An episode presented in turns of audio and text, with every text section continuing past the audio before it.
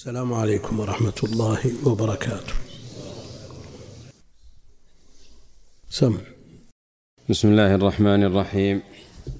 الحمد لله رب العالمين وصلى الله وسلم وبارك على نبينا محمد وآله وصحبه أجمعين.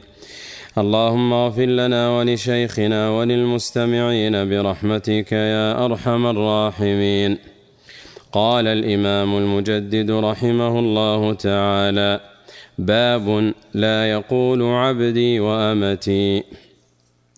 في الصحيح عن أبي هريرة رضي الله عنه أن رسول الله صلى الله عليه وسلم قال لا يقل أحدكم أطعم ربك وضئ ربك وليقل سيدي ومولاي.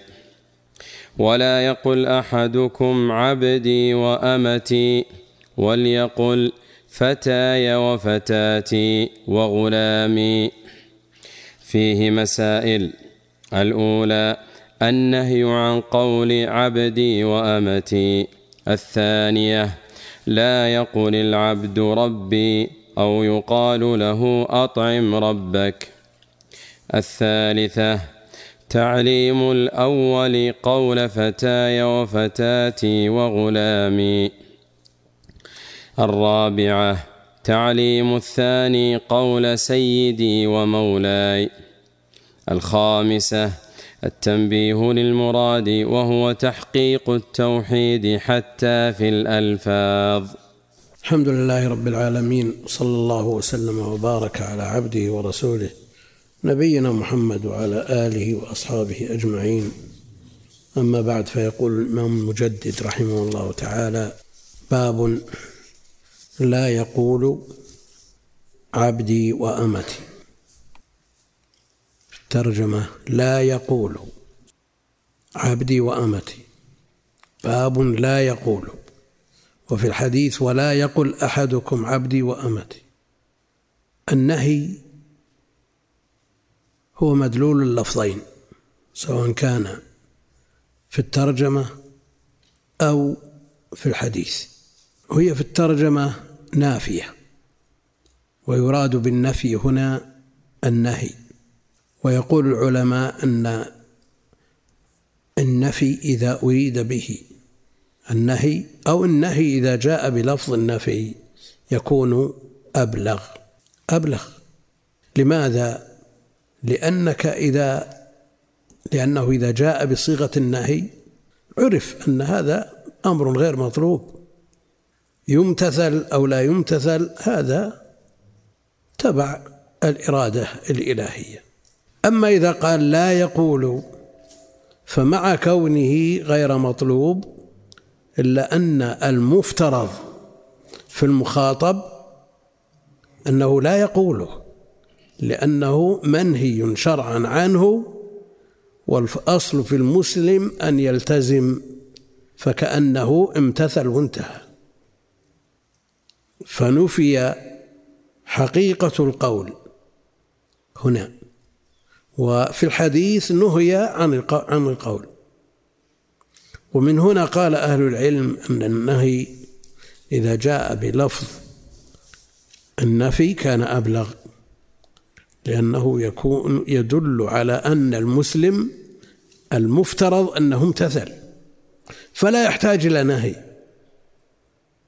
فينفى عنه هذا القول وإن كان المؤدى واحد لكن ذاك أبلغ على ما قاله أهل العلم. لا يقول عبدي وأمتي. الخلق عبيد لله جل وعلا. عبيد لله جل وعلا والنساء إماء الله عبيد وعباد لله جل وعلا. كثيرا ما يقول يا عبادي يا عبادي ولا تمنعوا إماء الله مساجد الله.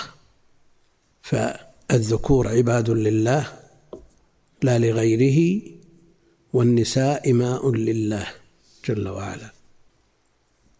هذا من حيث العبودية من العبادة. هناك عبودية الرق عبودية الرق التي هي تثبت بالأسر أو بالبيع والشراء. فهذا سيد وهذا مولاه. هل المولى هذا له أن يقول أنا عبد فلان؟ ما في شخص اسمه عبد خير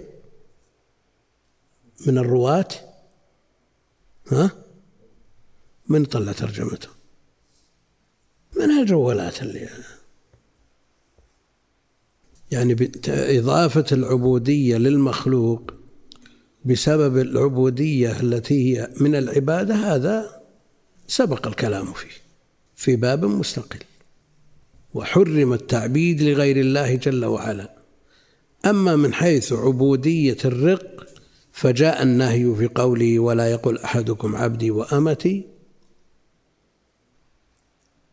والعلماء يختلفون في مفاد النهي هل هو للتحريم أو للكراهة؟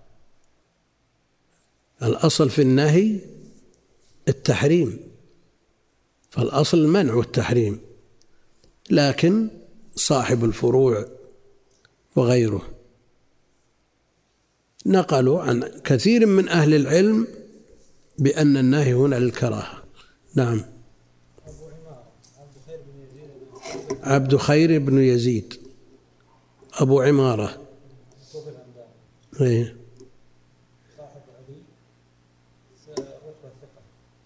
ثقة. على كل حال من عبودية الرق لا إشكال. لكن ها؟ يقال اسمه عبد الرحمن قلت ولعله غيره في الإسلام. هو عبد خير؟ من كلامه. لا يروون عنه في كتب السنة عبد خير. هم؟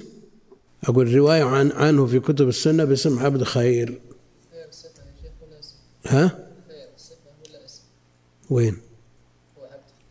المهم منه تعبيد لغير الله. قال الخطيب. نعم. قال الخطيب يقال اسمه عبد الرحمن قلت ولعله غيره في الإسلام الإصابة بتمييز ينقل عنه إيه لكن الرواية عنه بهذا الاسم. إيش معنى غير والرواية عنه في بهذا الاسم؟ فيه تفصيلات.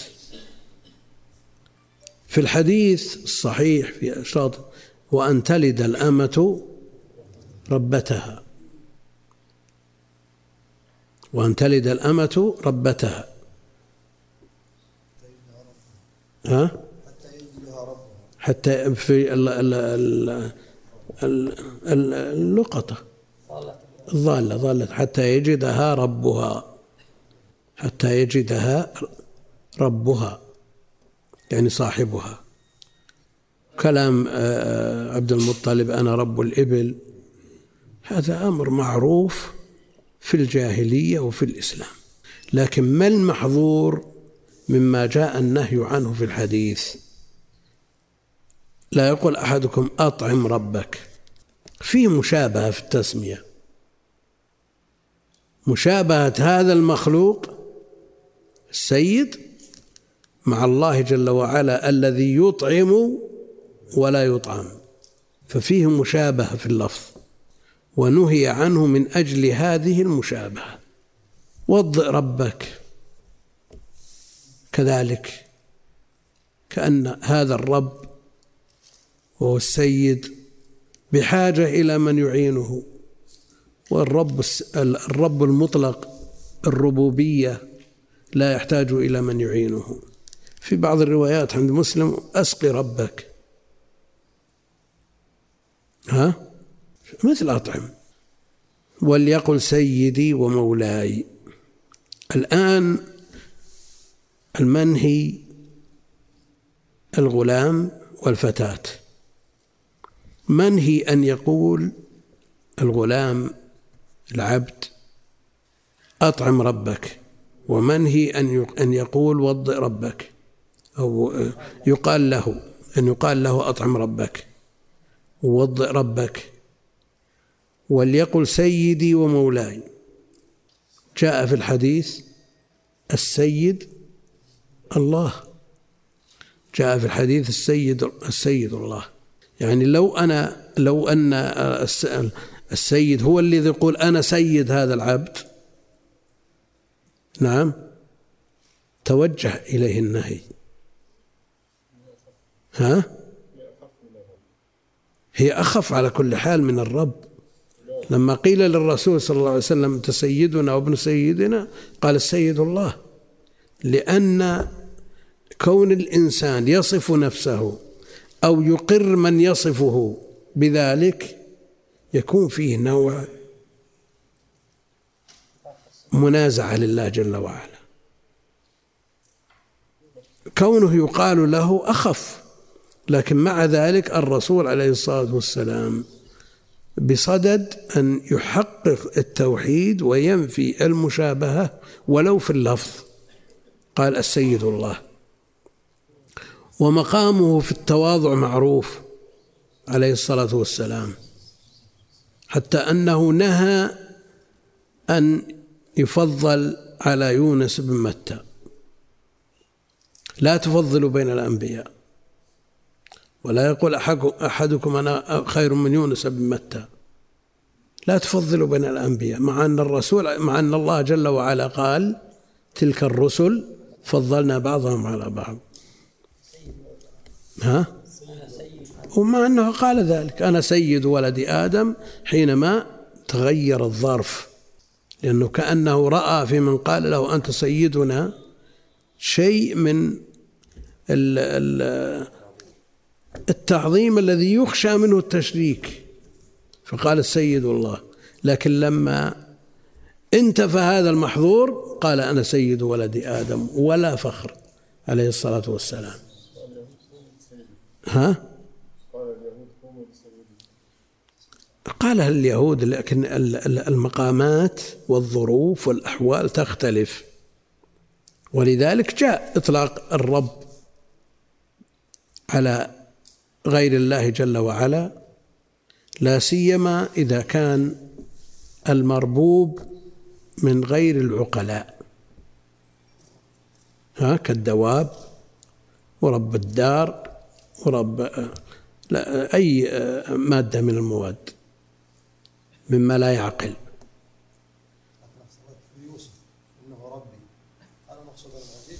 شو؟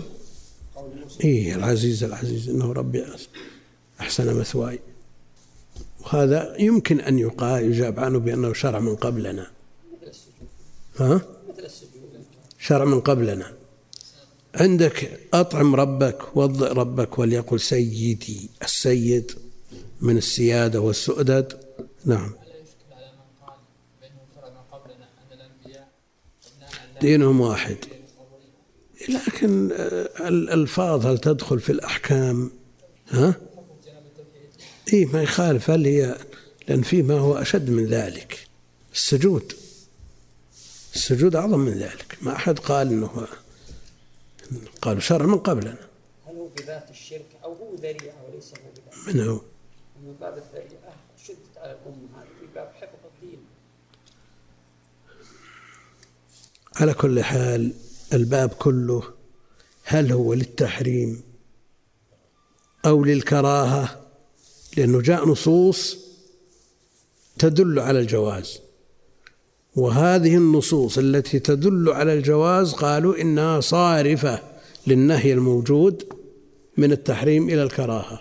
السيد من السيادة ومن السؤدد وبهذا اللفظ سيد بالتشديد وينطقها كثير من الناس بالتخفيف.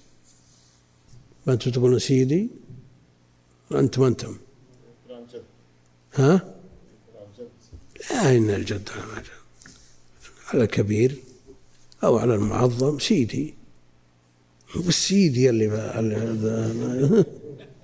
ها؟ ما مستعملة عندكم؟ ها؟ المغاربة أكثر عند المغاربة وغيرهم. فالسيد تخفيف للسيد وابن السيد. وش ابن السيد؟ ها برضوان. الله نزين الجواب. ها. ابن السيد البطليوسي تعرفه؟ تعرفه؟ ها؟ إلا. السيد يطلق على الذئب. مثل الذيب هذا أخونا. هو ها؟ شو؟ وش بك أنت؟ ترى مدح ما هي بذم بس خاف إن أتصل بصفة الذئب تغير بعد. ها؟ ما تغير إن شاء الله تصير وحش. قيل للكسائي لم لا تهمز الذئب؟ قال أخاف أن يأكلني. المقصود أن السيد يطلق على الذئب. وابن السيد البطليوسي قالوا من هذا. وليقل سيدي ومولاي. جاء النهي عن السيد. سيد الله. يدل على أن المقامات تختلف. كون العبد هو الذي يقول سيدي. ما هي مثل أن يقول السيد هذا أنا سيد هذا الرجل العبد. ويجد في نفسه من الترفع ويجد من الاحتقار لهذا العبد. ها؟ ما ورد النهي في الحديث. ثم قال النبي صلى الله عليه وسلم أنت سيدنا وليس النبي صلى الله عليه وسلم هو من قال. لا مقام مقام, مقام النبي. إي لا مقام النبي عليه الصلاة والسلام. كأنه لمح أن عند هؤلاء من التعظيم ما هو أكثر من المطلوب له عليه الصلاة والسلام. فخشي عليهم فحفظ جناب التوحيد وسد الذريعة الموصلة إلى هذا الغلو. ومظنه عليه الصلاة والسلام من الغلو والواقع يشهد بذلك. وجاءت النصوص الصريحة القطعية بنهيه عن الغلو فيه. إياكم والغلو. لا تطروني كما أطرت النصارى بن مريم. ها؟ أو ببعض قول. المقصود أنه في مقامه عليه الصلاة والسلام مظنة لأن يغلو به من يطلق هذا الكلام فأراد سد الذريعة. شو؟ وحي لأن فيه بركة. فيه بركة. الله جعل الله جعل فيه البركة. فالتبرك بما ثبت عن الصحابة معه عليه الصلاة والسلام لأن الله جعل فيه بركة. لكن أكثر من ذلك ممنوع لأنه يؤدي إلى الغلو وإلى الشرك.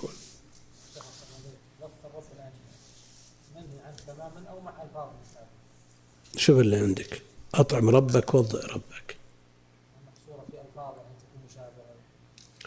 إذا هو الأصل أن الرب هو الله جل وعلا.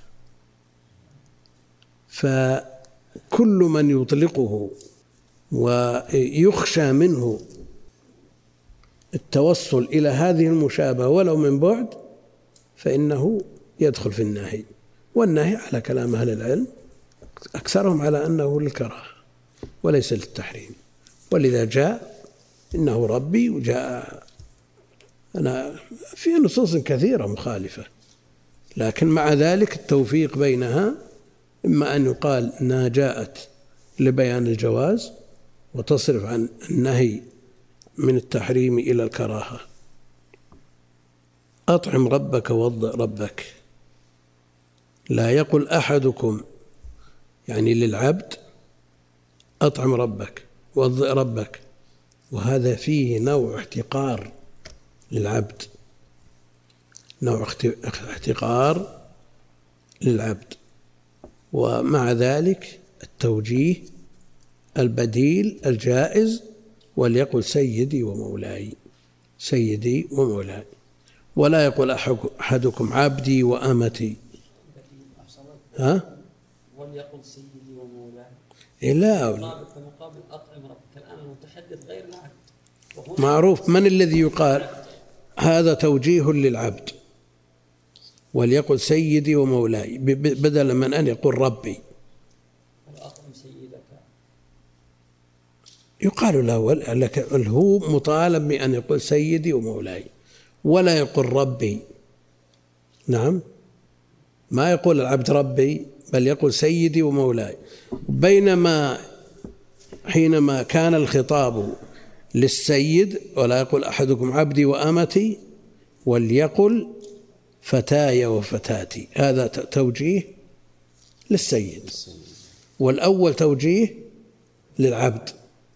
توجيه للعبد. ها؟ لا لا هم مقابلة بين الجملتين الآن ثلاثة الأول للغيب إذا أطعم ربك وضع ربك لا من السيد ولا من إيه لا طرف ثالث. وهذا هنا العبد ثم السيد. في التوجيه في قوله وليقل سيدي ومولاي للعبد. والتوجيه في قوله وليقل فتاي وفتاتي وغلامي للسيد. ولا يقل أحدكم عبدي وأمتي. الآن عرفنا النهي الأول أطعم ربك وضع ربك لئلا يشابه اللفظ لفظ الرب الذي لا يقال إلا لله جل وعلا. الرب بالاطلاق والثاني لا يقول أحدكم عبدي وأمتي. العبودية الأصل فيها لله جل وعلا. العبودية الأصل فيها لله جل وعلا ولا شك أن عبودية الرق معروفة ومقرة في الشرع و وكذلك الأمة. لكن إذا كان إطلاقها من السيد على سبيل الترفع على هذا المخلوق الذي هو في الأصل مثلك عبد مربوب لله جل وعلا كما أنت كذلك والأمة أمة الله لا تمنع إيماء الله بيوت الله.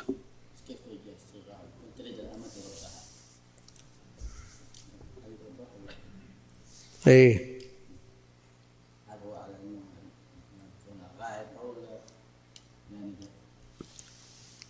وأن تلد الأمة هذا في حديث في حديث جبريل عليه السلام. وهو من أشراط الساعة. وكيف تلد الأمة ربتها؟ كيف تلد الأمة ربتها؟ أقوال كثيرة لأهل العلم في هذا. منهم من يقول أنه يكثر التسري فتلد الأمة المملوكة من سيدها ما يكون سببا لعتقها وله الأمر عليها. ومنهم من يقول أنه يكثر الزنا في آخر الزمان وتلد منه الأمة. وقد يكون هذا الولد من ولد سيدها. إلى آخر ما قاله العلم المسألة معروفة. وليقل فتاي وفتاتي. وليقل فتايا وفتايا فتاتي. فتايا من الفتوة والنشاط والقوة. وهذا الأصل الكثير في في هذا النوع. المملوكين كثير كثير فيهم القوة والنشاط لأنهم أهل عمل وهم أهل ترف والعلماء حينما يتحدثون عن الرق فيقولون هو عجز حكمي عجز حكمي. مرادهم أنه ليس بعجز حقيقي فقد يكون الرقيق أقوى من أضعاف من من من الأحرار. قد يكون يعني مو بعجز حقيقي وإنما هو عجز حكمي. وليقل فتاي وفتاتي وغلامي. قال في الصحيح وتقدم له نظائر ومراده بهذا إما الحديث الصحيح والحديث صحيح بلا إشكال لأنه مخرج في الصحيحين أو يراد به جنس الصحيح بما يشمل صحيح مسلم وصحيح البخاري المصنف ذكر حديث خرج في الصحيحين خرج من الصحيح فقط هل يعتبر قصور علمي أم أنه مقدم عنده البخاري على كل هو التخريج وهذه مهمة جدا. إذا اقتصر المخرج على ما يثبت به الحديث كفى. ما يلزمه أن يزيد على ذلك. لا يلزمه أن يزيد على ذلك. حتى في دراسة الأسانيد يدرس إلى أن يصح الخبر. وهذا هو المطلوب. وقد يزيد من باب الاختبار في الرسائل من الرسائل. هذا ما في إشكال ليختبر الطالب. لكن للعمل إذا ثبت الحديث وجب العمل. وما يقلق بعض التخاريج التي يخرج الحديث في الصحيحين ويخرج الحديث في خمس صفحات. خرجه البخاري. باب كذا جزء آه، كتاب كذا باب كذا جزء كذا صفحة كذا ومن طريقه البيهقي في الدلائل ومن طريقه فلان وفلان ومن طريقه شو اللي من طريقه ذولا ما دام الحديث الصحيح. وأخرج ثم يقول وأخرجه مسلم بعد ما يذكر صفحة. وأخرجه مسلم في باب كذا كتاب كذا ومن طريقه فلان ومن طريقه فلان. ها؟ إذا وجد لفظ يشار إليه ها؟ يشار إليه من اختلاف الألفاظ التي يترتب عليها حكم ترتب عليها فائدة. وإن رأيت أشياء واستطرادات لا داعي لها يضيع بعضها بعضا. يعني مش الداعي أن الحديث في البخاري تقول من طريقه بيبي في جزئها المشهور. تبي بيبي ولا ما؟ ها؟ تعرف جزء بيبي حفظت جزء بيبي أنت رضوان وراك. قل ما بيجي إلا هو. جزء ألف دي جزء الألف دينار جزء الألف دينار. تعرفه؟ في أحاديث يخرجون منها. أحاديث في البخاري يرجعون الجزء. ليش؟ هذا فيه نوع صد. أنت تشغل طلاب العلم بالمفضول عن الفاضل. وتجد بعض طلاب العلم المغرمين بالتحقيق وجزاهم الله خير على هذه الهمة يتجهون إلى العمل على كتب يتعبون عليها ويسهرون الليل والنهار في البحث عن أحاديثها ورواتها. ولو تسأل عن حديث في الصحيحين ما أجابك. هذا خلل. الانشغال وإشغال طلاب العلم بالمفضول مع غفلتهم عن الفاضل لا شك أن هذا خلل. يعني يربى طلاب العلم على الأهم وبالمهم المهم ابدأ لتدركه وقدم النص والآراء فاتهمي أما أن أنشغل بأجزاء هي لا تخلو من فائدة لكن أي فائدة فيها تعادل أو تداني أو تقارب ما في صحيح البخاري أو مسلم.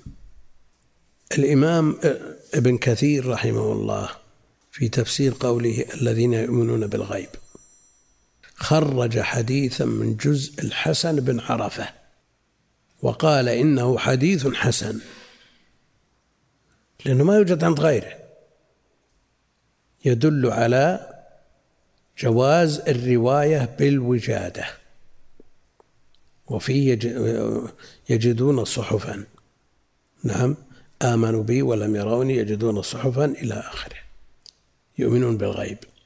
لكن هل يقال ابن كثير ترك البخاري ومسلم وراح الجزء لا هذا ما موجود عندهم ولا في الستة ولا في المشهورات.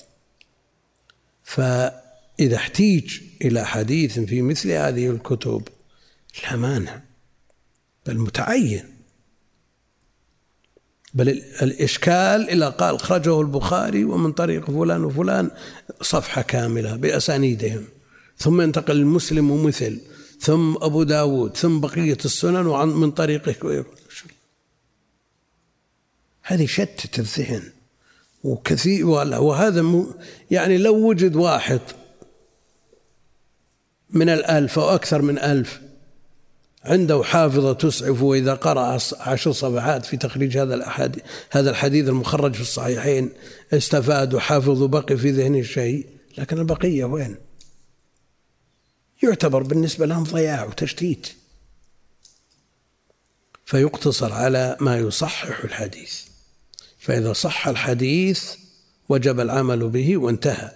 ثم إذا عورض واحتجنا إلى أن نرجح القوي مع الأقوى ذهبنا إلى أن نبحث عن زيادة الطرق هذا ما في إشكال عند التعارض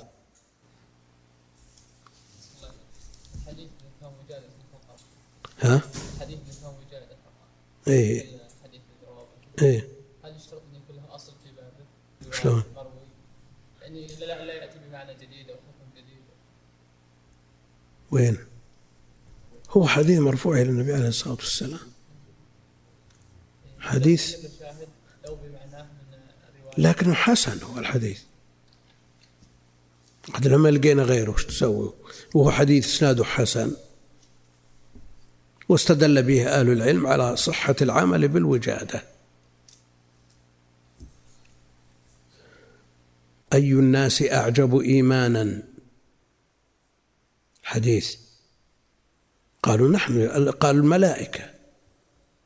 قال كيف لا يؤمنون وهم من القرب من رب العالمين بالمكان المعروف؟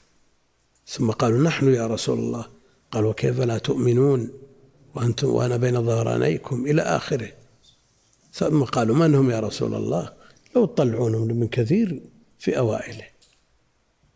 قال الحافظ بن كثير وإسناده حسن وفي صحة العمل بالوجادة. مثل هذا تحتاجه. ليش؟ لأنك ما تبلازيه لا بالبخاري ولا مسلم ولا بالستة ولا ولا بالتسعة ولا بأكثر من ذلك. في مثل هذه الأمور نحتاج إليها في مثل هذا. أما ما هو مخرج في الصحيحين أروح أبحث عنه في في كتاب الطب للمستغفري. ها؟ نحتاج إليه؟ ما نحتاج إلى مثل هذا. ها؟ يدل على الوجادة. صحة العمل بالوجادة. يجدون صح. كان يفهم في السؤال ان هذا الحديث هو بذاته وجاهه لا لا. هذا هو الدليل لا لا. دليل على صحة العمل بالوجادة. كثير في مسند الإمام أحمد. قال حدثني عبد الله. قال وجدت بخط أبي. وجدت بخط أبي. ويشترطون لصحتها أن لا يشك أن يجد كلاما بخط شيخه الذي لا يشك أنه خطه. يعرف معرفة تامة كما يعرف صوته إذا كان من وراء حجاب ونحو ذلك. فمثل هذا ينفع. الحديث لما نهى عن أطعم ربك وضع ربك. وجه يقول سيدي ومولاي مع أن اللفظين ثابت لله سبحانه وتعالى. إي بس ما هو بثبوت السيد والمولى مثل ثبوت الرب واشتهار الرب. ليس مثله. لكن ما نقول أن هذا كان على عهد عهدهم هذا دائر بالسيد والمولى عندهم. كان مطروق هذا القول. لا لا هو المسألة الرب الرب جل وعلا يعني مع- معرفة الناس جميعا به ما هو مثل معرفة السيد والمولى. المولى مثل ما يطلق على المعتق يطلق على المعتق. يطلق على المعتق. وكثير ما يقال في الخطابات مولاي فلان لا سيما إذا كان له شأن ملك ولا شيء من هذا يقال مولاي. وإذا كان الأمر من باب الولاية الولاية ولاية الأمر فلا شك أنه ولي الأمر فلا يمنع من إطلاقه. فيه مسائل الأولى النهي عن قول عبدي وأمتي عبدي وأمتي لأنه قال ولا يقول أحدكم عبدي وأمتي. لأن الأصل في العبودية إنها لله جل وعلا.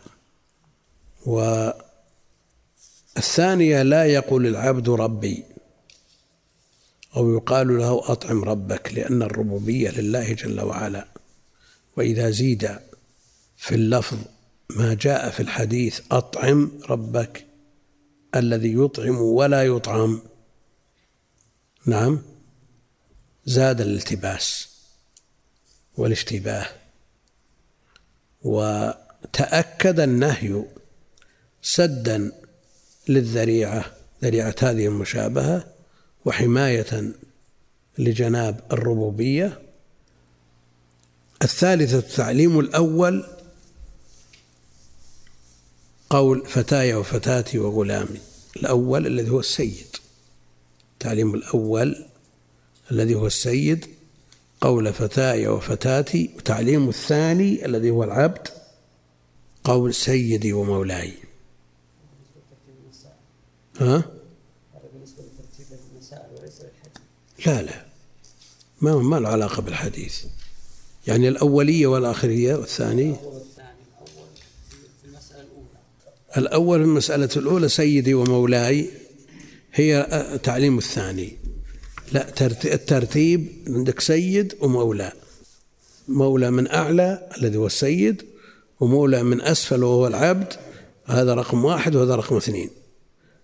من أعلى الذي هو السيد يقول فتاي وفتاتي الذي هو الأول الأولية التي آه، تعني الأولوية لأن السيد أولى أن يبدأ به لأن الأولية لها مدخل في الأولوية وهنا لكونه أولى سمي الأول.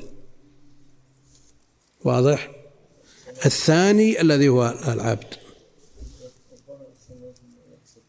التعليم الأول المسألة الأولى لما قال النهي عن قول عبدي وأمتي فقيل له علم هذا الأول يقول فتاة وفتاة على ترتيب المسائل ترتيب المسائل على أي حال. المسألة الأولى في الحديث في ال- ال- الجملة الثانية من الحديث. في الجملة الثانية من الحديث. والثانية في الجملة الأولى من الحديث على سبيل اللف والنشر. شيش؟ مشوش. كله مشوش. لا مرتب. وين الشيخ راح؟ فهمت؟ أنت. أنت أنت. صاد وراء الكرسي. خايف من سؤال ولا من ها؟ لا إذن وراء الكرسي. إيه متغبي وش هو اللف والنشر المرتب والمشوش؟ لا سمعت ثقيل والله. إيه صحيح والله اسمع ليش اقربنا عشان اسمع في مكبر فوق راسك. هذا السماعة قدامك.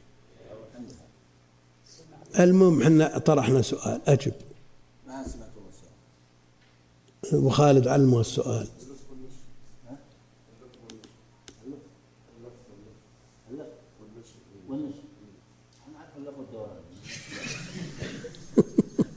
هو أنت راعي لف ودوران أنت؟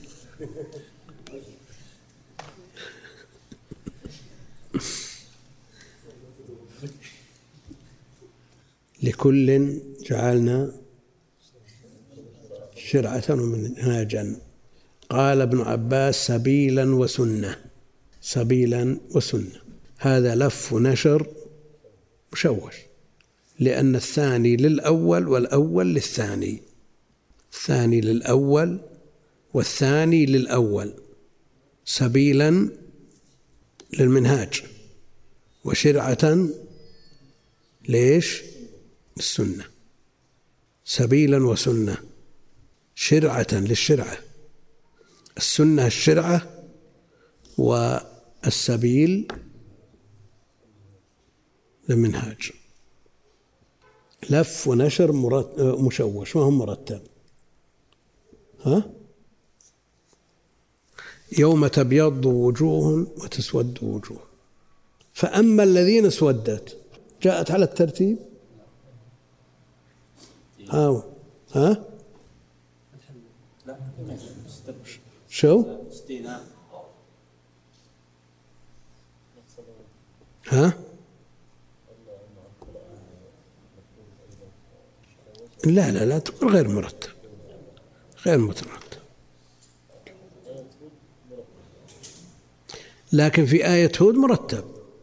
شقي وسعيد فأما الذين شقوا وأما الذين سعيدوا مرتب. المرتب يكون الأول الأول والثاني الثاني نعم. إذا قلت لقيت زيدا مصعدا منحدرا. لقيت زيدا مصعدا منحدرا.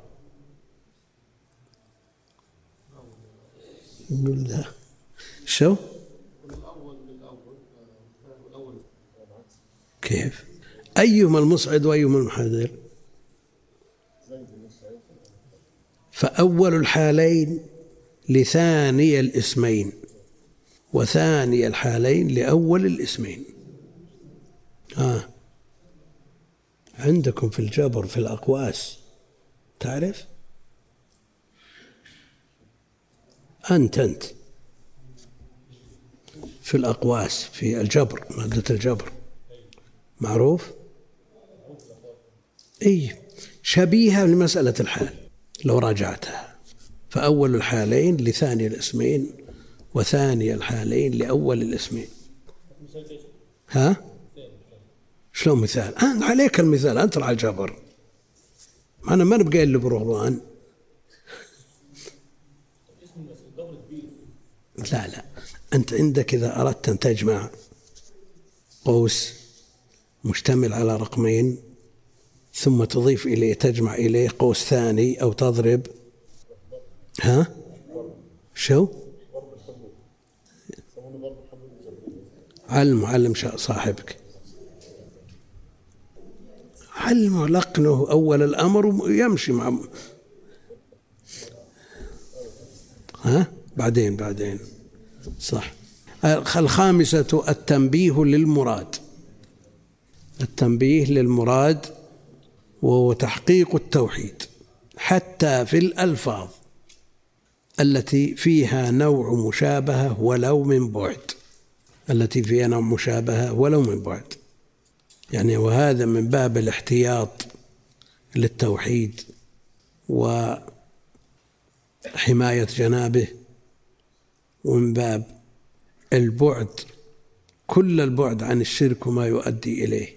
وسد جميع الذرائع الموصلة إليه. والله أعلم. صلي وسلم على عبدك.